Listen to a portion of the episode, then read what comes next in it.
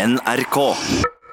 Frykt ikke for døden, for når du finnes, så finnes ikke den, og når den finnes, så finnes ikke du. Ja, festlig.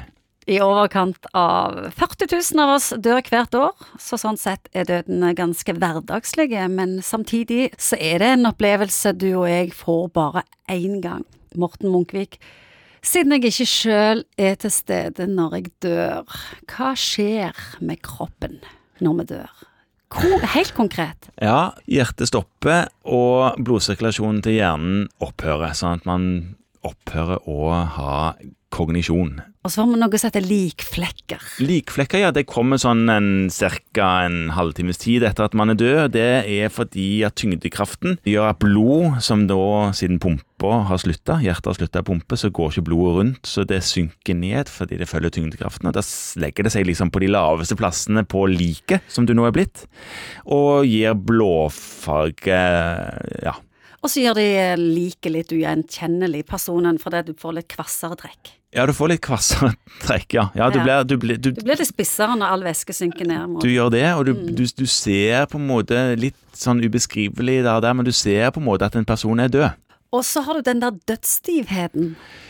Ja, det er helt enorm stivhet. Altså, du kan På et visst tidspunkt så kan du ta en død person og sette den opp til veggen som en planke, og han vil stå der, eller hun. Det er ganske heftig. Helt stivt. Og dette her, hvordan skal man forstå dette? Jo, i alle muskelceller så er det et apparat som gjør at en muskel kan trekke seg sammen og gi bevegelse. Det er avhengig av noe som heter kalsium. Det er et ion.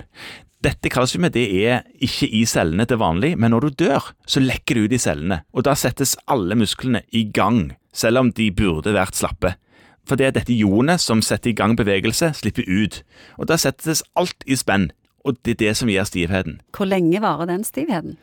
Stivheten den begynner etter sånn to, tre, fire timer. Hvor lenge varer den? Timer? Noe sånt som det? Rundt der. Og så begynner forråtnelsen. Bakterier som eh, lekker fra magen og fra huden og sånne ting, som nå får mer tak siden kroppen er død og har ikke så mye motstand igjen lenger. Har jeg blitt nå kjørt ned i kjelleren på sykehuset, og får du sånn lapp rundt tåa?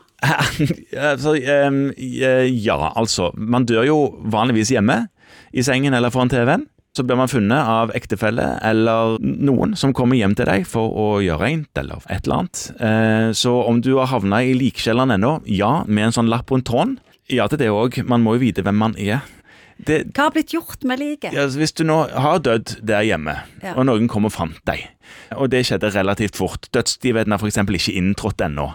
Det man gjør da, det er å lukke munnen, eh, enten med et bånd eller med en kloss under hagen, fordi at det, det ser så tåpelig ut hvis man får dødsstivhet med gapende munn.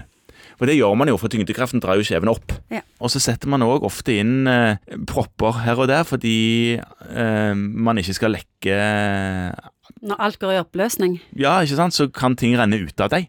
og lukte. Og lukte, ja. Så det setter man òg en stopper for, med tamponger og sånne ting. Og så blir man henta av begravelsesbyrå, som eh, tar de av gårde til eh, likkjelleren, eh, oppbevaring. Enten på sykehuset, vanligvis ikke der hvis det bare er holdt på å si, et vanlig dødsfall. Så blir man tatt til, eh, til begravelsesagenten sin, sin plass. Har du sett mye død? Ikke mye. Jeg har jo ikke jobba veldig mye på sykehus hvor folk dør, men jeg har jo sett litt på legevakt, så noe har jeg jo møtt opp igjennom. Du sitter og holder deg litt på hjertet nå. Ja, jeg, jeg, jeg må kjenne at det slår, eh, sant? Og, og så må du bare huske det at man Du sa jo det, man dør bare én gang, men man lever hver dag, så det må du huske på. NRK.